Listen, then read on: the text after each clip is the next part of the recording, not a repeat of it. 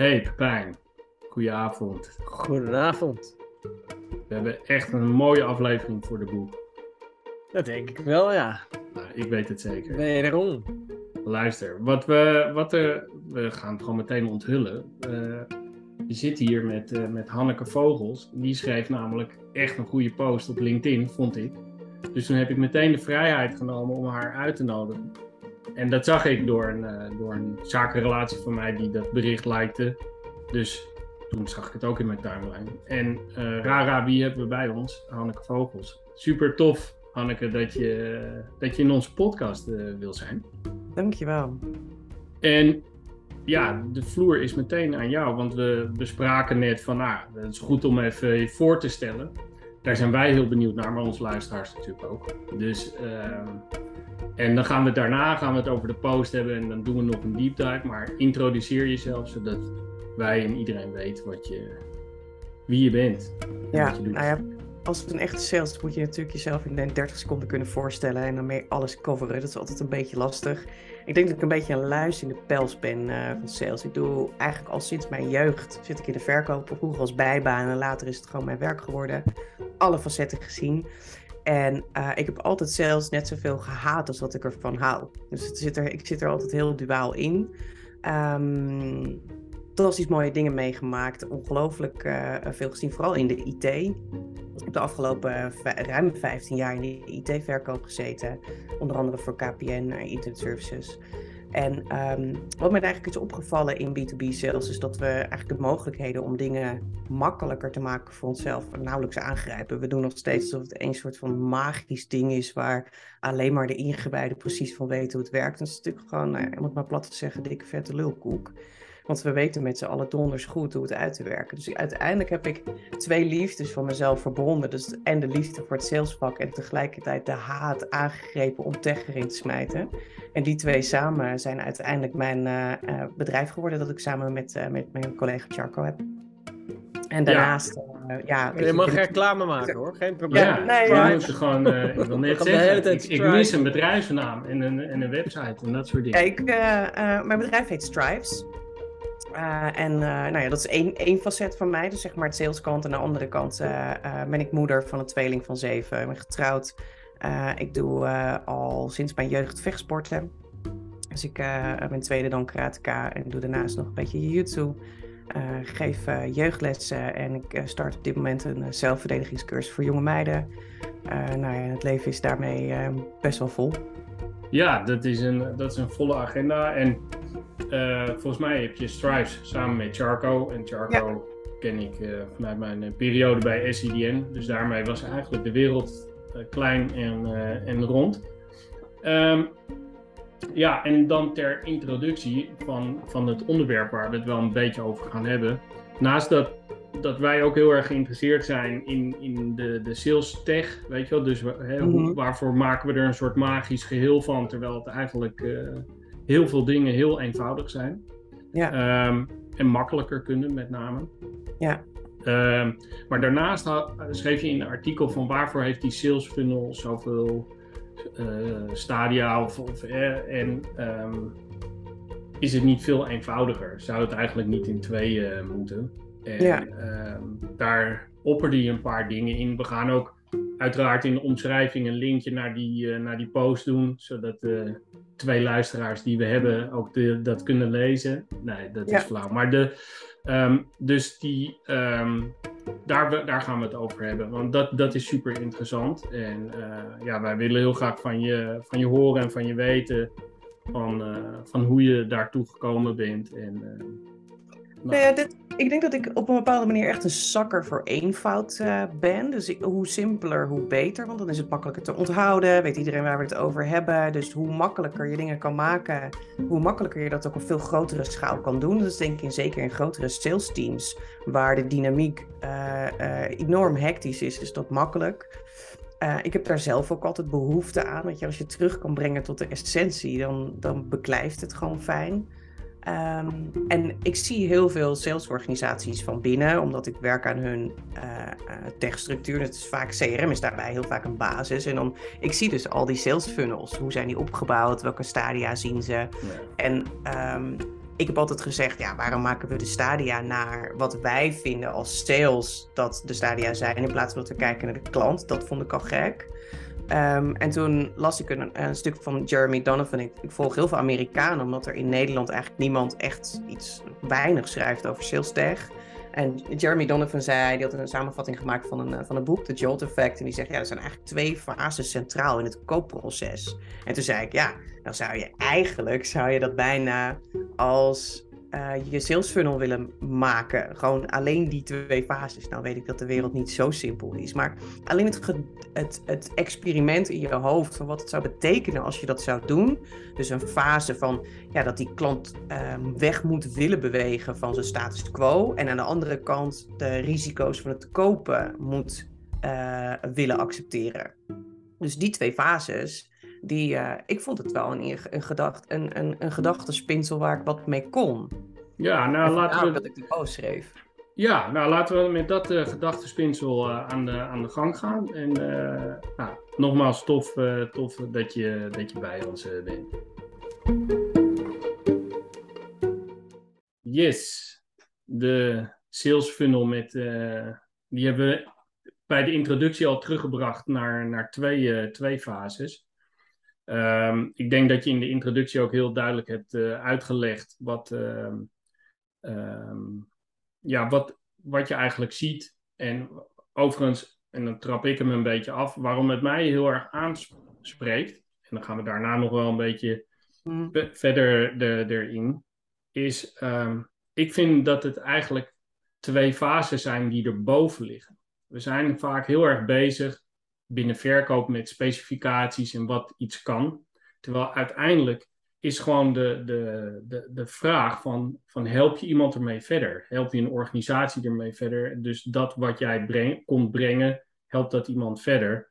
En ten tweede. Dat je dat zegt, hè? Want dat is eigenlijk ook de essentie van verkoop. Dat ik, zoals ik dat vaak uitleg aan mensen die moeten verkopen, maar van huis uit geen verkoper zijn. Dus ik kom heel veel consultants tegen en dat soort dingen die dan, die dan moeten gaan verkopen en zich daar heel erg onheimisch bij voelen. Maar ik zeg, ja, maar als je het nou eens omdraait, gewoon zegt, ga dan gewoon die klant helpen om zijn probleem op te lossen, dan krijg je een totaal ander perspectief. Het is precies wat jij zegt. Dat, dat, is, dat is uiteindelijk waar je, waar je mee bezig bent. Ja, dus kijk, als, als ik heel eerlijk ben, is dat eigenlijk, zit dat er iets, eigenlijk iets boven. Het zweeft eigenlijk, kijk, tuurlijk kun je zeggen van, nou, we gaan een offerte schrijven, een voorstel uitbrengen en dan... Dat, maar eigenlijk zijn dit gewoon de twee bovenliggende vragen die iedere, iedereen die in de sales zit en zichzelf uh, uh, of, of daarin wil ontwikkelen, die, ja, die zou die twee vragen in elk sales traject moeten kunnen beantwoorden. En, en, sterker nog, je zou je zelfs af kunnen vragen, als je die vragen niet stelt, moet je dan überhaupt, kun je dan überhaupt praten over een lead of een opportunity? Uh, wat mij betreft niet, namelijk. Ja, maar dat is toch wat, wat er grotendeels in sales gebeurt. Hè? Dus ik, je ziet, uh, net zoals in iedere beroepsgroep, heb je, heb je, wat mij betreft, heb je altijd drie categorieën van professionals. Je hebt de, je hebt de starters. Nou, als je dat vergelijkt met bijvoorbeeld de bediening in een restaurant, dat zijn dat de mensen die studeren en het als bijbaantje hebben. En eigenlijk geen formele opleiding erin. Dan heb je de middengroep. Die hebben een formele opleiding gehad, veel, wel, wel wat ervaring en die volgen keurig netjes de regels. En daarbovenop heb je nog de mensen, het zijn de echte pro's. En die serveren niet altijd aan de juiste kant uit, maar kijken, doen dat alleen als dat passend is.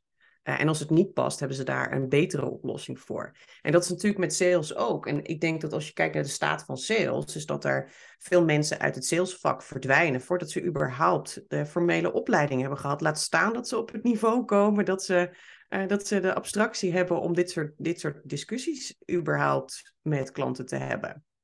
Of om in hun achterhoofd te hebben welke vraag je kan stellen. Dat, het, het, nou ja, je moet wel een stukje verder zijn om, om dat stuk te kunnen pakken, denk ik. Even een vraagje tussendoor. Hè? Want in de introductie zei je van ja, dat je ook echt een deel van het sales echt haat. Maar wat dat precies is, is me nog niet helemaal duidelijk. Kan je daar iets meer over vertellen? Want ik vind het wel interessant uh, dat je dat zei eigenlijk. Ja, dus ik denk dat um, het begon denk ik als verbazing. Dat er heel veel dingen uh, moest ik dan doen als, uh, als, jonge, als jonge sales. En toen dacht ik, ja, maar waarom doe ik dat eigenlijk zo? Dat kan toch veel slimmer, dat kan toch veel handiger. Ehm, dus dat is denk ik een van de dingen, is dat er ontzettend veel trucs zijn, maar niemand eigenlijk nog weet waarom we die doen. Dat. Uh, en twee, dat gejaag op, op targets, het korte termijn denken, waarvan ik denk, ja, dat klopt gewoon niet. Sommige dingen hebben gewoon een doorlooptijd. Want je haalt een nieuwe sales naar binnen, je verwacht dat die binnen zes maanden uh, converteert, terwijl je sales cycle 9 tot 12 maanden is. Wat? Dus de, um, en het niet, niet willen luisteren naar je klanten. Dus de, de, maar gewoon blijven duwen, onredelijke targets neersmijten. En, en um, dus de, de fuss rondom sales. Iedereen doet alles voor zijn commissie. En ik vind commissies dus mm -hmm. überhaupt een heel uh, ding apart. Um, alsof salesmensen een soort van money-driven idiots zijn die uh, alleen maar met die grote zak met geld in beweging krijgt. Dus er zitten gewoon heel veel aspecten in dat vak waarvan ik gewoon vind dat ze, dat ze van geen kanten kloppen. En, maar Mhm. iedereen loopt daar wel als een stel mafklappers achteraan. Ja. Ja, Ja, nou, interessant. Ja, echt interessant. dat is zeg maar de, hebben- de, haatkant. Ja, nou mooi. En wij hebben in de eerdere podcast, Daan en ik, hebben ook een soort voorliefde voor efficiëntie, weet je wel? Dat dingen efficiënt zijn. Dus dat is ook, sluit ook helemaal aan. Hartstikke leuk. Dus, eh, maar ik vind ook wel dat jullie, het waren het net veel te veel met elkaar eens, weet je? Dus ik vind het wel, ik vind het Nee, maar wel dat goed. bewaar ik. dat- Dat, de- de- ik heb nog heel veel dingen op me. Maar er is die- dus die- één ding waar ik me een soort van bij neergelegd heb. En dat is dat CRM-pakket. Ja, ik heb nog nooit een CRM-pakket gezien wat gewoon klopt. Waar iedere sales gewoon alles, alles in doet wat hij moet doen.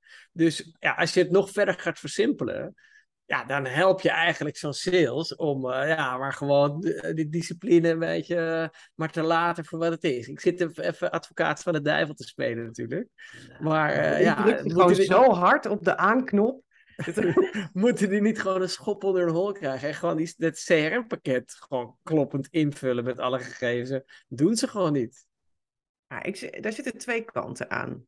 Dus ehm, enerzijds, CRM is in, nou, ik durf wel een bout statement te maken, 80% van de bedrijven gewoon niet meer dan een management control system. Dus eh, je moet het invullen omdat het management zijn rapportages wil hebben. Ehm, en daarmee, ja, dan, daarmee brengt het die sales niet zoveel. Dus dat is de ene kant van het verhaal. En de andere kant van het verhaal, ja, als jij CRM gewoon gebruikt als een soort van Rolodex en een projectmanagement tool, want dat is dan je funnel en een Rolodex is je klantdata, dan doet het dus ook niet zoveel. Dus wat heb ik er aan als sales om het in te vullen? Anderzijds vind ik de, de, de magiërs, eh, die er nog heel veel in sales rondlopen, de mastodonten die een eh, enorme track record hebben in hun, in hun vak, ja, die gaan het wel heel zwaar krijgen, omdat de oude trucs niet meer werken. En dat is niet omdat het salesvak stuk is, maar dat is omdat de, de koper veranderd is. Ja. Dus je hebt je CRM nodig, omdat je veel meer opportunities moet lopen. Je moet veel meer leads hebben om, en zien op welk moment je met wie moet gaan interacteren. En dat stuk, ja, daar, ga je, daar heb je dus wel gewoon een goed gevuld CRM voor nodig. Daar moet het gewoon kloppen. En je moet er vandaan werken. Ik lag maar helemaal de rambam als mensen eh, in hun agenda hebben staan dat ze CRM moeten invullen aan het einde van de dag of nog erger aan het einde van de week. Dan gaat het gewoon mis. Ja, en als ik, als ik dan mag aanvullen, weet je, ja, Pepijn, je kan het vervelend vinden dat wij het helemaal eens zijn, maar ik bewaar, ik hou mijn kaarten nog een beetje in mijn hand. Maar kijk, wat ik vind is dat, kijk, je, wat ik net al zei, kijk, je, je, je bent bezig een probleem, frictie, ambitie, iets, iets verder te brengen. Dus een, een goed CRM zou, wat mij betreft, de ontwikkelingsfase of de ontwikkeling van je klant moeten weergeven. En niet zozeer waar ze gevestigd zijn, dat geloof ik allemaal wel. En uh, een opportunity is wat mij betreft wanneer je iemand in een volgende fase brengt van, van zijn bedrijf. Van, van, ja, weet je, bedrijven ontwikkelen zich ook. En volgens mij is dat juist veranderd. En zitten we nog veel te veel salesmensen gewoon op specificaties te verkopen. Van ja, dit kun je ermee, super gaaf. Ja, fantastisch. Ja, maar daar... Ik denk dat er twee gescheiden problemen zijn, uh, Daniel. Dus enerzijds, we hebben nog steeds heel veel de feature sellers. Zeker ja. in IT, maar daarbuiten ook heel veel. En anderzijds heb je uh, dus de, de uh, CRM, wat eigenlijk gewoon niet een sales process automation tool is, maar gewoon nog steeds een kale Rolodex. Ehm, ja, en dat, dat werkt, dat doet ook gewoon niet zo heel erg veel. Die tools kunnen het wel, maar het is gewoon niet goed ingericht. Nee, dat. En ehm, kijk, wat ik, als, als ik nog heel eventjes terugkom, wat ik, um, wat ik ook sterk vond, uh, zeg maar in je post zei je dat, je dat er een paar onderliggende vragen waren. Daar, daarin uh, wilde je niet alle wijsheid op zeggen van, nou, die, er zijn meerdere vragen hoe je, hoe je het punt kan achterhalen. Maar wat ik wel een hele goede vond en wat ik ook echt zou willen highlighten is, is het, speelt het probleem in de hele DMU. Want dat, dat vind ik ook zo fantastisch. Dat, dat je vaak gewoon ziet van ja, dan, je kan één iemand, zeg maar, kan wel redelijk overtuigd raken, maar percipieert iedereen dat, dat probleem wat jij komt oplossen. Het is natuurlijk heel geestig als, als de rest van de organisatie zich, zich daar überhaupt niet van bewust is. Uh, ja. Dus dat, dat vond ik ook een goed, uh, goed punt. Ja, en dat is, kijk, dat is natuurlijk ook niet altijd makkelijk, hè? Want uh, uh, probeer maar eens in contact te komen met je hele DMU. Weet je, dat is dat, dat juist, juist omdat het salesgeweld zo groot is, is het voor een individuele sales heel lastig om zijn hele DMU A in kaart te brengen, om het duidelijk te krijgen wie, de, wie daarin zitten. en B, om ze überhaupt te spreken te krijgen. Ga er maar aan staan. Het is echt een tough job. Ja, zeker. Maar de dat... liefde voor het vak, omdat het zo complex soms kan zijn, um, vind ik, ja, ja, is het gewoon een prachtig vak. Dus het is, het is een heel mooi vak voor slimme mensen. Nou, als het eenmaal lukt, is de reward is ook echt, uh, echt daar, daar natuurlijk. Oh, de voldoening van dat het gelukt is. Nou, en, aan, ja, ja, en aanvullend op die DMU, zeg maar. Dus weten ja, in hoeverre uh, het belangrijk is ook voor anderen. Wat veel verkopers volgens mij vergeten is te begrijpen. het probleem waar het over gaat. Ja, waar dat bij je klant staat in hiërarchie, zeg maar. Weet je wel, is dat prioriteit nummer 1 of is dat prioriteit nummer 10? En uh, heel vaak zitten wij helemaal op prioriteit nummer 10, dan helemaal te verkopen en alle trucendozen die gaan open. Terwijl ja, die klant denkt, joh, uh, ik heb zo'n budget en een heel klein beetje gaat naar dit waar wij het nu over hebben. Dus om dat te begrijpen, dat is, ja, dan moet je wel net even de juiste vragen stellen. Ja, maar dus, dit, die sales die willen die vragen denk ik ook niet altijd stellen hoor. Want kijk, als je um, die funnels, er zit, zit vaak ook een heel stuk window dressing in. En dat is ook niet gek. Want als je kijkt naar de opdracht die ze hebben, dan is het om zoveel mogelijk klanten binnen te halen. Uh, maar ondertussen worden ze wel keihard gemonitord op hun activiteit, maar ook de cijfers die ze laten zien. Dus je kan als sales vooral ook heel goed handhaven met heel veel opportunities in je funnel. Dus hoe langer die funnel, bijna hoe beter. Uh, want um, dan laat je zien dat je lekker bezig bent en all over the place uh, met mensen in gesprek bent. Funnel fillers. Yes. Ja, window dressing, funnel fillers. Ja. Het, het, is, je ja. ziet ook die lucht in die funnel, die wordt heel snel uitgeklopt altijd als er een nieuwe sales manager aan boord komt. Want die, mm -hmm. die gaat eerst die funnel leegscheppen. Um, dus er zit, dus het inherent aan de push die we denk ik als sales hebben als je echt aan lead generation doet, is ook een, uh, een funnel waarin opportunities zitten die eigenlijk nog geen opportunity zijn. Die klant is immers niet uit zichzelf bij je gekomen. En uh, we zijn natuurlijk uh, van later in de funnel meer het order pikken, zijn we teruggegaan naar we moeten ook zoveel mogelijk beïnvloeden, we moeten zo vroeg mogelijk aan tafel zitten.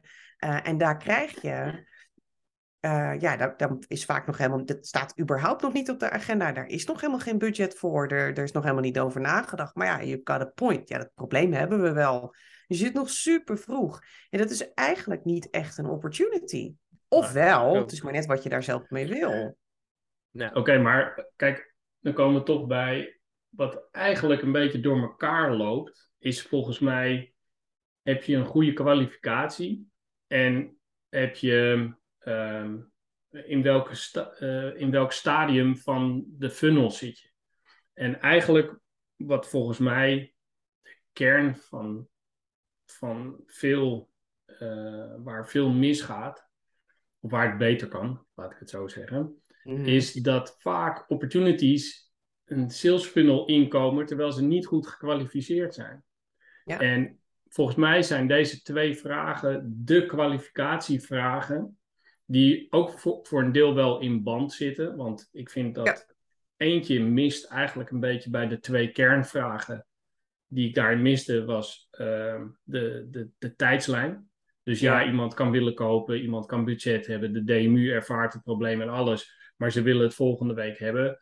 Nou, weet je, dan heb je ook wel een soort van uitdaging met elkaar. Dus uh, er zit echt nog een vraag bij, maar eigenlijk is het in essentie voor mij is dat heel veel opportunities de funnel inkomen zonder dat ze gewoon goed gekwalificeerd zijn. Dat is eigenlijk volgens mij waar, we het, waar we het over hebben. Ja, het begint uh, bij je definitie van wat is een opportunity. Wanneer is iets een opportunity? Welke informatie moet je hebben? En wanneer uh, laat je hem zitten? Kijk, ik snap, het, ik snap ook wel waarom dat gebeurt. Hè? Dus uh, als iets een opportunity is, wordt het ook zichtbaar. Dus, en het is niet alleen zichtbaar voor het management, maar vooral ook zichtbaar voor de sales om het te blijven monitoren. En ik vind die leadbakken in de meeste CRM's zijn eigenlijk al gewoon een beetje vies. Het is echt wel heel lastig om daarin bij te houden. Waar sta ik nu? Zit die, wat moet hier nog gebeuren? Uh, om daar goed inzicht in te houden. En dat kan je, kan je prima oplossen met tech. Hè? Dus begrijp me niet verkeerd. Je kan, je kan lead scoring en deal scoring modellen kan je tegenwoordig heel goed inbouwen. Want dat helpt je enorm om zichtbaar te krijgen. Wanneer is iemand nou klaar om echt zeg maar, naar de volgende stadium te gaan? Uh, als die webinars heeft bijgewoond. Als ze weten dat een dat toen heeft aangegeven dat een project over 24 maanden gaat plaatsvinden. Nou, dan ga je een halfjaartje later ga je weer bellen. Je, dus de, de, Ehm, er is heel veel mogelijk om te doen. Je, alleen je moet het wel registreren. Want anders kan je dat dus niet automatiseren. Dus je moet goed begrijpen wat je doet. En daarmee kan je dus die lead bak, wat nu vaak opportunities zijn die eigenlijk geen opportunities zijn, uh, maar we daar graag hebben omdat we ze beter in beeld hebben. Uh, daar kan je dat dan toch een beetje beter scheiden. Dus het kan wel, alleen uh, we doen het met z'n allen denk ik niet goed. Nog even afgezien van de, uh, van die hiërarchische druk om maar zoveel mogelijk opportunities in die funnel te trappen. En als je, als je nou kijkt naar, naar de sales tech, wat, uh, wat, je, wat jullie specialisatie is, waar, waar, um, waar begint het dan 9 van de 10 keer mee? Wat, wat zeg maar, waar word je eigenlijk het meest voor ge, gebeld? Of, of waar, waar de schoen? Wat is hun probleem wat jij komt oplossen, om het maar even, even ja, dus, te zeggen. Wij komen eigenlijk nooit vanuit een tech-vraagstuk. Dus um, ergens zijn ze wel getriggerd en dat komt denk ik met name door de presence die ik heb op, uh, op LinkedIn uh, en door de verhalen zeg maar in, de, uh, in het netwerk. Mensen raken getriggerd omdat ze weten dat wij tijdsdruk wegnemen. Want dat is uiteindelijk wat tech doet. Dus tech zorgt, sales tech zorgt ervoor dat je meer tijd hebt en daardoor kunnen je mensen meer conversie maken. Tech aan zich doet niet conversie, dat doen je mensen. Ja. Um, maar als je meer tijd tot je beschikking hebt, kan je meer opportunities doen. En kijk, ondanks het feit dat die time bleeders vaak op uh, hele verschillende plekken zitten, begint het vaak wel bij, uh, bij je, bij je ja, fundament. En het fundament dat is, dat is CRM, dus de Rolodex-functie, dat is je opportunity, uh, zeg maar je, je, je funnel.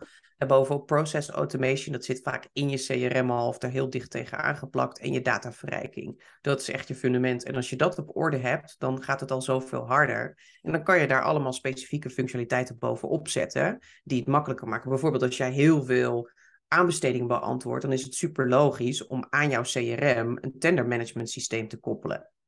Dat is gewoon een no-brainer, bespaar je gewoon bizar veel tijd mee. Maar zo'n functional, ja, die heeft niet iedereen nodig. CRM en process automation, dus als jij een T-sales team hebt vanaf vijf man, moet je dat gewoon hebben. Nou, ik weet nu al dat gewoon meer dan 60, 70 procent van de salesorganisaties op dit moment geen processen automatiseren binnen hun sales. Laat staan de handovers naar de operatie. Is echt, mhm, of naar mhm. finance. Het gaat allemaal nog met het handje, jongens. Ja, klopt. Ja, dat, dat is best bizar eh, eigenlijk als je daarover nadenkt. Ik vind ook dat je het goed omschrijft dat er ook wel een beetje een soort nevel uh, of een, ja, je noemde het magisch of zo. En dat, ja, dat ben ik ook wel, uh, al vind ik bijna dat vervelend, maar dat ben ik ook wel echt heel hard met je eens, denk ik. Omdat, um, weet je, dat, dat is zo de spijker op zijn kop, want dat, het, uiteindelijk is het niet heel ingewikkeld werk. Dat, dat is niet een hele populaire mening, die, die, uh, maar um, het, het is gewoon heel veel doen en, en heel veel herhalen. En waar regi herhaling, registratie en dat soort dingen in zitten, Ja, daar, ja, sorry, maar daar ontstaat ook automatisering. Het is wel zo dat ik blijf het wel, het, eh, weet je, het is een middel en geen doel op zich. Dus iemand die onwijs in zijn sales allerlei processen en, en, en dingen gaat inrichten. Ja, weet je, het is niet dat je aan het einde van de rit dan automatisch omzet perst, weet je wel. Dat, uh... Nou, dat ben ik niet helemaal met je eens. Kijk, uiteindelijk is sales een complex vak uh, in 20% ongeveer van de tijd. Dus die 80-20 regel pak ik, dan is 80% van het werk is heel veel herhaling. Heel veel herhaling. Afspraakjes plannen, uh, offertes maken, uh, overdragen naar je operatie, whatever. Dus echt heel veel te doen. Maar 20% van het werk dus is het, zeg maar, het voorbereiden van je afspraak, het nadenken. Hoe ga ik, welke vragen ga ik daar stellen? Met wie zit ik aan tafel? Met wie wil ik nog meer aan tafel? Maar ook, wat zijn zijn pijnpunten? Al die informatie die je ophaalt, om daar, daar op te kouwen. Het raam uit te staren, erop te kouwen en te denken, hoe ga ik deze klant nou het allerbeste helpen? Welke argumenten heb ik nou nodig? Maar die tijd gunnen de meeste sales zichzelf niet, of hebben ze zelfs niet, omdat ze al van hond naar her rennen. Als je dus weet dat je die 80% aan repeterende taken, zoiets stoms als een afspraak inplannen met een klant. Als iemand zegt: Ik wil wel met jou om tafel. Ga je dan heen en weer mailen of bellen om die afspraak te maken, of stuur je gewoon een link met: Dit is mijn agenda, zeg het maar. En dat, dat... bespaart tijd. Ik maak in, ik, het kost mij geen, geen enkele energie om afspraken in te plannen. Ik stuur gewoon een link. Dit is mijn agenda. En dat, uh, zo, zijn er, zo zijn er honderden taken binnen sales. Zoiets stoms als een renewal deal.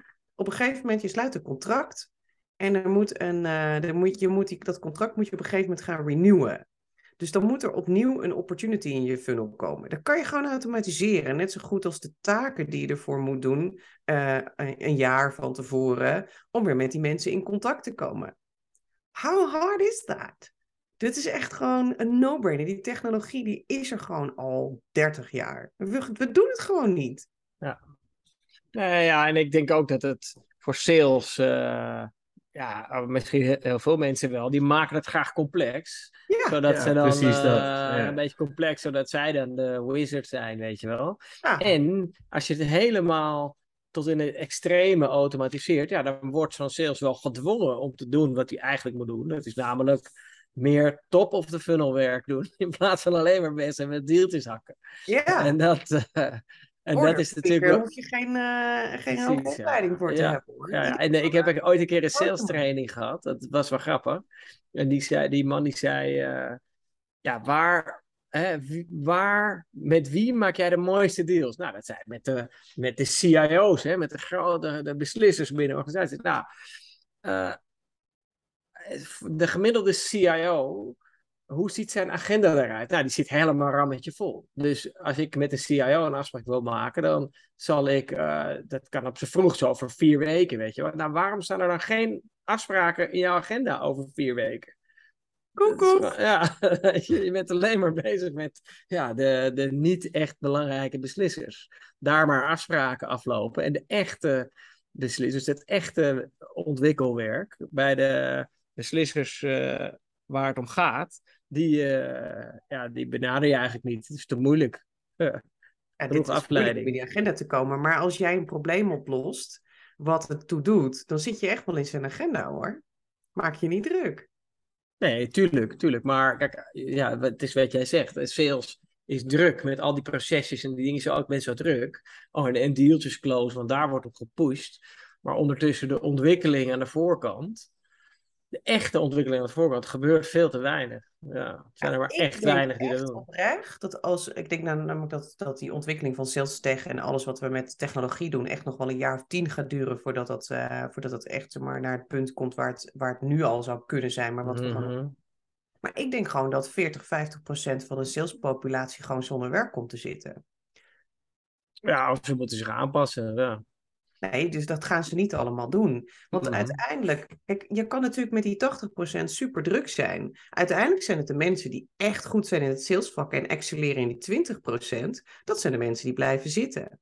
Ja. En daar lopen er echt wel een hoop voor rond. Ik denk ook dat het salesvak leuker wordt. Het wordt um, minder, minder gestrest. Mhm. dus ik, denk wel, ik, ik, denk wel dat, dat ehm, de, zeg maar, in essentie klopt het helemaal. Wat wel zo is, ik heb zelf wel in een paar situaties gezeten waarin eigenlijk het, het aantal deals of de contractwaarde wat groter is, laat ik het zo zeggen. Dus dat je, um, dus dat dat 80% werk ja, echt, echt wel heel overzichtelijk is. En als je een keertje heen en weer mailt over een afspraak, dat je daar niet op, uh, op doodbloedt. Snap je? Dus Ehm, ik denk, dat vind ik nog wel een nuance in, in het hele verhaal. En als je, als je zegt van nou, over tien jaar is 40%, dan denk ik dat dat wel ja, de, de, vooral de sales is waar, waar een hogere doorloop uh, zit of uh, een hogere omloop zit en een, een wat lagere contractwaarde. Want het echte key account management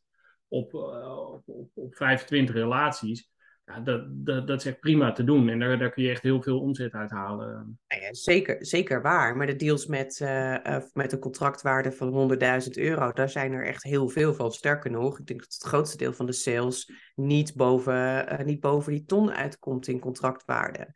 Um, waar sales cycles ook niet mega lang zijn, nee, die soms wel een paar deals in de week doen. Ja. Maar kijk, als je dus als je met nu met, met 15 man uh, ieders uh, 5, 6 deals in de week doet, met al die hassle eromheen zonder dat te automatiseren en je gaat automatiseren, dan ga je dat maar met de helft van de mensen doen hoor. Klopt, klopt. Dat, uh, dat, dat ben ik ook met je eens.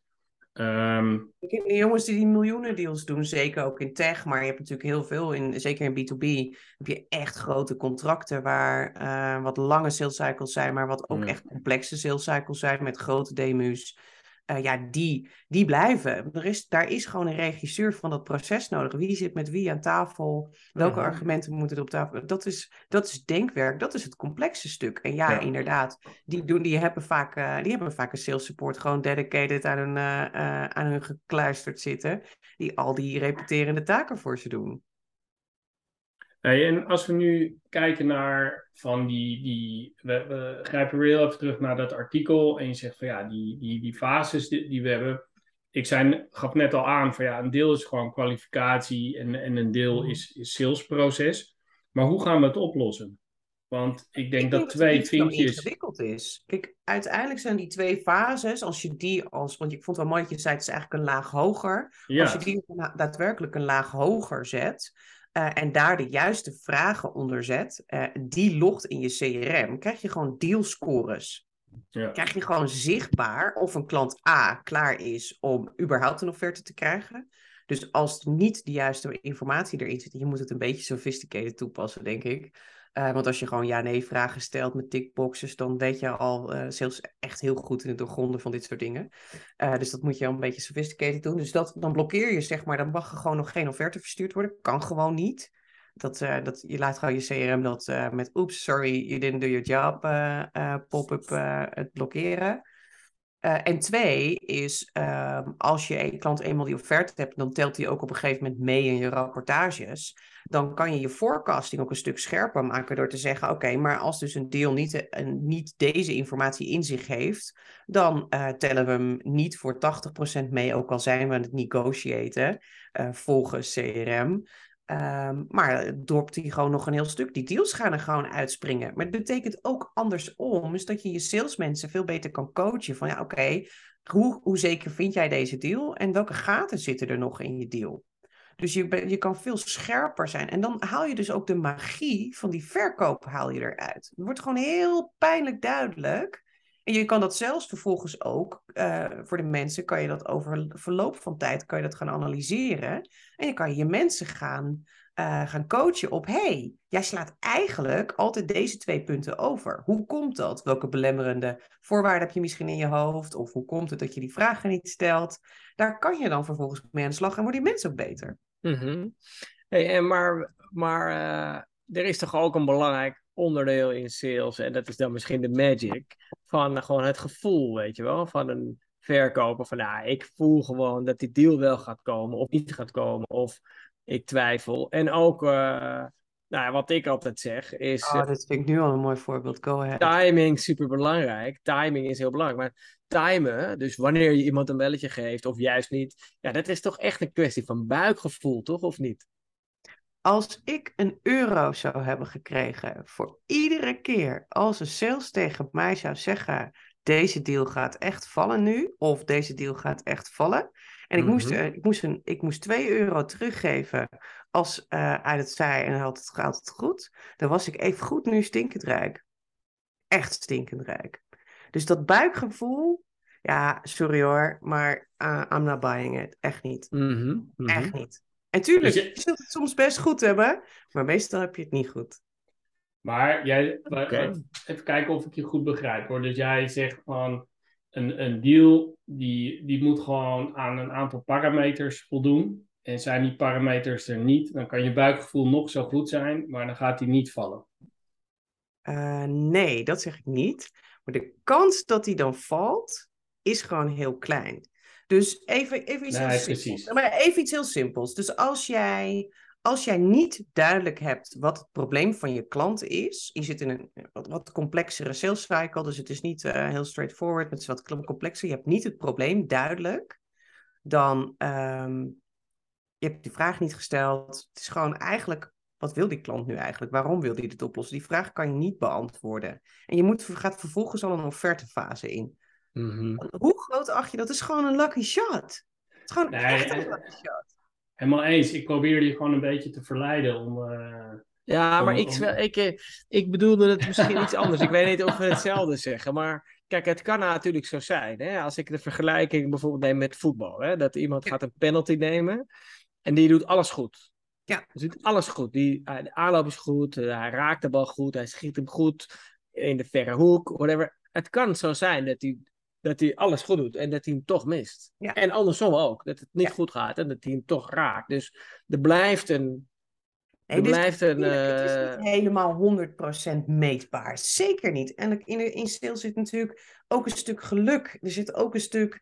Eh, nou, misschien is het geluk. Het is ook vingerspitsengevoel. Het is ervaring. Het is instinct. Natuurlijk zit dat erin. Maar ehm, ja, dan nogmaals, dat geldt voor de professionals. En dat zijn de, dat zijn de Messi's. Die, die net zeg maar dat moment weten te pakken. eh, wat er voor nodig is. Maar Ja. ehm, daar kan je niet je salesorganisatie op drijven, want dat zijn er altijd maar een paar. De rest Nou, van wat ik er mooi aan heeft vind- dat niet. Ja, wat ik er mooi aan vind, wat eigenlijk wat ik beschrijf, is in, in zoverre hetzelfde als wat jij beschrijft. Dat is dat je meer focus hebt op het proces. Dat het proces goed is en niet alleen maar dat resultaat dat je daarop managt. Van eh, je moet honderd, honderd deals eh, sluiten. Maar als je consequent het proces goed doet, ja, dan is het, komt het resultaat komt dan gewoon. Nee, En, maar- eh, ik, ik denk dat, dat, ze, dat, dat, dat je ook terecht zegt. Je, je vergroot gewoon de kans dat het goed gaat. En ja. daar, daar ben ik het gewoon mee eens. Kijk, en kijk, je weet gewoon dat renew voorbeeld is een heel goed voorbeeld. Ehm, want je weet, dat het gaat, je, je weet dat het gaat plaatsvinden. Dat weet je eigenlijk bij het sluiten, Ja, weet je ja, ja. al wat er gaat gebeuren. Dus eh, zeg maar, als je iemands eh, been in tweeën hakt in een 16 meter, ja, dan weet je dat er een penalty volgt. Maar goed, het is een slecht voorbeeld wellicht. Maar je weet dat het gaat plaatsvinden. Alleen de, de kunst is, en dat, dat is volgens mij het pijn wat, wat jij zegt, is van, dus je weet dat er een aantal ga- dingen gaan spelen, contactmomenten en dat soort dingen. Maar Ja. wanneer je dat precies doet, of wanneer dat plaatsvindt, hoe je dat doet, ja, daar heb je nog wel een, een dus bepaalde daar- feeling bij. Daarvan zeg ik dus, ehm, je moet, nou, het renewal voorbeeld nemende, je, je gaat met, de, met je messies, ga je aan tafel zitten en zeggen, oké jongens, als we contracten moeten, moeten gaan verlengen, hoe lang van tevoren moeten we daar aan tafel zitten? Wat voor soort contacten moeten dat zijn? Met wie moeten we? Ga je uitdenken? Dan heb je je, hebt je gebruikt om het goed uit te denken. Dat vervolgens automatiseer je dat, zodat die taken en die, die, die e-mails gewoon keurig netjes naar voren komen in je CRM. Misschien zelfs wel automatisch worden gestuurd. Alleen die sales kan zeggen, oeh, nu even niet. Of, hey, ik heb iets in het nieuws gelezen, ik pak die taak alvast op. precies dat. En Ja. dat is het verschil. Dus hij wordt nooit meer vergeten. Want jongens, hoeveel renewal deals zijn er al de deur uitgepist omdat we vergeten waren Mhm. die klant op tijd Ja. te contacten. Er zat er Mhm. al een concurrent aan tafel. Dus je gaat het niet meer vergeten. Dus doordat je het proces gewoon consequent doorloopt en daar het, het menselijke stuk overheen zet. Dus daar, maar je moet wel een reden hebben om te zeggen: ik wijk af van het proces. In plaats van Ja. dat je het allemaal maar overlaat aan de magie van die ene sales. Nee, precies. Want dat is dat euro, euro voorbeeldje. Wat zeggen, ja, geloof me. eh, Weet je, dat, ah, die hebben we echt vaker gehoord. Ehm, nee, dus ehm, wat wel zo is, is dat eh, als ik deze tijdlijn van onze podcast een beetje probeer goed te managen, dan, dan zijn we al best wel een heel eind eh, op, op, eh, op streek. Time flies. Pe- Pepijn begon, want die begon al Ja, sorry, gaat hij aan. Ja, ja, nee, maar weet je, ik heb het gevoel dat we nog. ehm, dat, dat het wel goed is als we deze even gaan, gaan samenvatten met z'n drieën. En dat we eigenlijk wel eh, tot een paar concrete punten moeten komen, aandachtspunten om, om, dit, eh, om dit vlot te, te trekken. Ehm, maar, dat, maar iets in mij zegt dat we elkaar nog wel vaker gaan spreken, want eh, volgens mij is nog lang niet alles gezegd. Nee. En ehm, om maar een heel simpel haakje te, te noemen. En dat is dat de business van Pepijn, die draait, ja, weet je wel, dus het outbound bellen, ja, dat, daar ga je niet eh, altijd vragen, wilt u wegbewegen van de status quo? Weet je wel, althans ja, ik, Zou ik ik zou, er niet mee, ik zou er niet mee openen. Maar goed, Ehm, dus nog voldoende stof eh, om te bespreken. Maar laten we naar de samenvatting eh, gaan.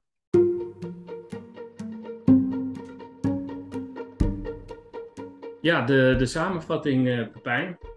Ik, eh, wat, eh, wat, wat haal jij Wat gaan we ervan maken? Nou, ik denk de, één dingetje. Wat is je bijgebleven? Wat heb je geleerd? Nou, ik heb het idee, maar misschien heb ik het mis, dat zeg maar het principe wat Amazon bijvoorbeeld wil gaan doen, of al eigenlijk doet, dat ze aan het, aan het gedrag van iemand zien, ze weten 90% zeker dat die order gaat vallen, want hij heeft al die dingen gedaan online en dit bekeken, dat bekeken, noem maar op. Dus die drone met dat pakketje, die kan al gaan vliegen. Dat dat een beetje, dat lijkt een beetje op het verhaal wat jij vertelt, heb ik het idee. Dus dat doordat, doordat je al die intelligentie hebt en die data hebt, kan je overal gewoon weten wat er nodig is om iets naar een volgende fase te brengen. Klopt het een beetje? Eh, ja, ik zou hem niet zo scherp willen stellen. Zeker niet in B2B. Dat, het, eh, dat, je, het, dat je het pakketje ook kan laten vliegen. Dus ik zal je fabrieken niet aanzwengelen en ik zal zeker nog niks in gaan kopen. Maar ik denk wel dat je veel aanwijzingen kan vinden. En natuurlijk, er zijn altijd uitzonderingen op. eh, en je moet altijd blijven nadenken. Maar ik denk dat dat je een heel groot stuk kan helpen. Dat, eh, en kijk, tegelijkertijd denk ik ook dat je andersom moet nadenken. eh, en blij, moet blijven kijken of je vragen wel kloppen. Misschien zie je wel iets over het hoofd. Dus het antwoord is niet zo zwart-wit als dat je zegt. Nee, nee oké. Wat ik, ehm, wat ik ehm, uit de post, of een bevestiging vond van de post en welke vraag ik altijd heel relevant vind, is waarom doen we dit ook alweer? Dus het, de- Ja. eigenlijk, waarom doen we dit ook alweer? En dat is, van, je gaat iemand verder helpen met een probleem, een frictie, een ambitie, een groei. Of, dat, dat is in basis wat je doet. En jouw product of dienst gaat daar een rol in vervullen. Je Ja. gaat iemand verder brengen in zijn ontwikkeling of een organisatie verder brengen. En daarbij eh, moet, moet er een bepaald koopsignaal tevoorschijn komen. En dat hoeft echt niet meteen in het begin te zijn. Soms moet je een beetje je best doen. En wat ik eh, tof vind aan eigenlijk de. Ja, strijd is denk ik niet het goede woord. Daar doe ik je een beetje te, tekort mee. Maar ik, ik voel wel een eh, vurige passie om eigenlijk de bullshit een beetje Ja. uit verkoop te halen door gewoon. Dat, dat is voor mij de samenvatting ook, ook van, de, van deze aflevering. Van ja, weet je, we kunnen met z'n allen echt heel, heel lang blij, heel gewichtig blijven doen. Maar er zit gewoon heel veel registratie, herhaling in wat gewoon eh, prima te automatiseren is. En, eh, en geen, ook, ook geen hogere wetenschap is. Nee. Eens. Ja, ik denk, houd de bullshit uit sales. Hier, ga ik van je pikken. Ja, nou, dat mag. D- Dat mag. En ehm, nou, ik, ik, wil je in ieder geval ja, geweldig bedanken. Ik hoop dat jij het ook. is er nog één punt wat. Behalve dan dat je iets gaat pikken van dat, dat, wat, je, wat je tof vond aan, aan, de, aan het half uurtje dat we hebben zitten sparren. Wat neem je morgen mee? Nou, wat, wat, ik, wat ik heel erg gaaf vind, is over mijn vak praten. Want uiteindelijk is mijn vak sales. Daar zit tech tegen aangeplakt, maar het gaat over sales. Dus ik kom niet zo heel veel voor dat ik met, uh, met twee messies mag kletsen over het salesvak en daar een gedachte over mag wisselen. Dus uh, dat maakt het voor dat neem, dat neem ik eigenlijk mee, dat uh, de liefde voor het vak gedeeld wordt. Ja, nou, en ja, tot slot, ik, helemaal mee eens. Ja. ja, nou, wij Messi zijn, daar, daar, kunnen we nog, uh, daar moeten we nog over hebben. Of bedoelde hij ons daar niet mee? Maar even tot slot. We, als, als mensen die dit horen en ook de moeite hebben genomen om dit tot het einde te, te luisteren, we gaan in ieder geval alles, alles linken wat er te linken valt uh, in, in de podcast link. Maar ook mensen die graag met jou verder willen praten, geef ze nog heel even je credentials of in ieder geval welke website moeten ze bezoeken om, uh, om meer over je te lezen?